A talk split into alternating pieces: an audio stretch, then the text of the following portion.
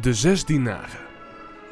Heel lang geleden woonde in een heel ver land een beeldschone prinses. En ze was zo mooi en zo lief dat vele prinsen haar hand waren komen vragen. Maar haar stiefmoeder was een boze koningin en die erg gierig was en steeds maar rijker wilde worden. En daarom moest iedere prins, voor zij de toestemming tot een huwelijk wilde geven, eerst iets heel moeilijks doen.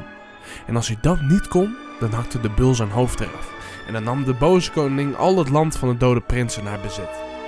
Daar er al vele prinsen waren geweest die met de prinses wilden trouwen, maar dat hele moeilijke ding niet konden volbrengen, was de boze koning zeer rijk geworden.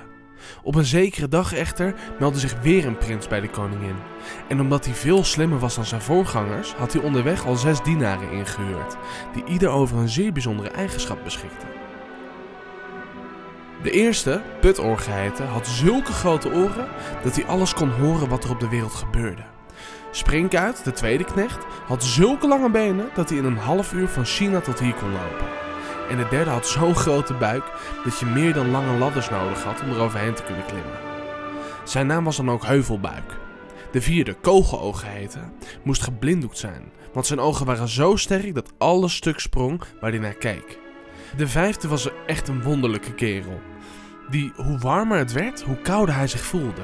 Hij heette dan ook Koukleum. En de zesde die kon zijn nek zo lang uitrekken dat hij alles kon zien wat er op de wereld gebeurde. En daarom was zijn naam Langnek.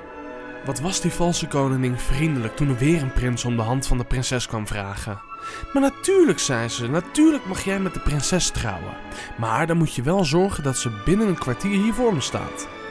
Nou, dat leek de prins niet zo heel moeilijk. Maar toen Langnek zijn hals flink had uitgerekt en Puttor zijn oor tegen de grond hield om te luisteren, bleek dat de prinses helemaal aan het einde van de andere kant van het koninkrijk zat. En ze huilde.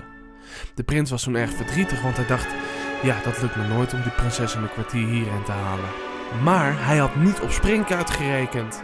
Die zette de prins vlug op zijn rug, nam onder zijn ene arm kogeloog en koukleun en onder de andere arm heuvelbuik. En ze begonnen te rennen zo hard dat Puttor hem na drie tellen niet meer kon zien.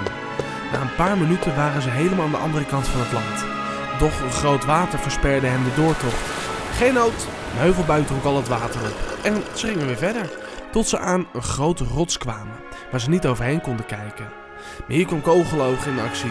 Hij trok de blinddoek weg van zijn ogen en bang! De hele rots sprong uit elkaar. Even later toen kwamen ze aan bij een geweldig vuur. Maar goed, Kauwkleum hoefde alleen maar even met zijn koude adem te blazen en al dat vuur doofde onmiddellijk. De prinsen springkuit renden verder en ja hoor, daar vonden ze het prinsesje. Ze zat onder een dikke boom op het mos. Haar gezichtje was nog nat van de tranen. Dat veranderde gauw toen ze begreep dat de prins haar kwam verlossen. Nu vlug terug, Springkuit, zei de prins, want de tijd is kort. Hahaha, dat kan ik eigenlijk eens flink doorlopen, zei Springkuit. Hij nam de prins en de prinsesje op zijn rug en hij begon te rennen zoals hij nog nooit gerend had. Onderweg namen ze Koukleum, Kogeloog en Heuvelbuik mee terug.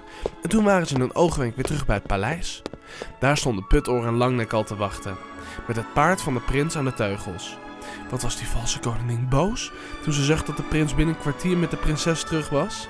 Ja, maar ze moesten het wel goed vinden dat ze gingen trouwen. De prins nam de prinses dan ook voor zich op het paard en toen reden ze naar zijn eigen land.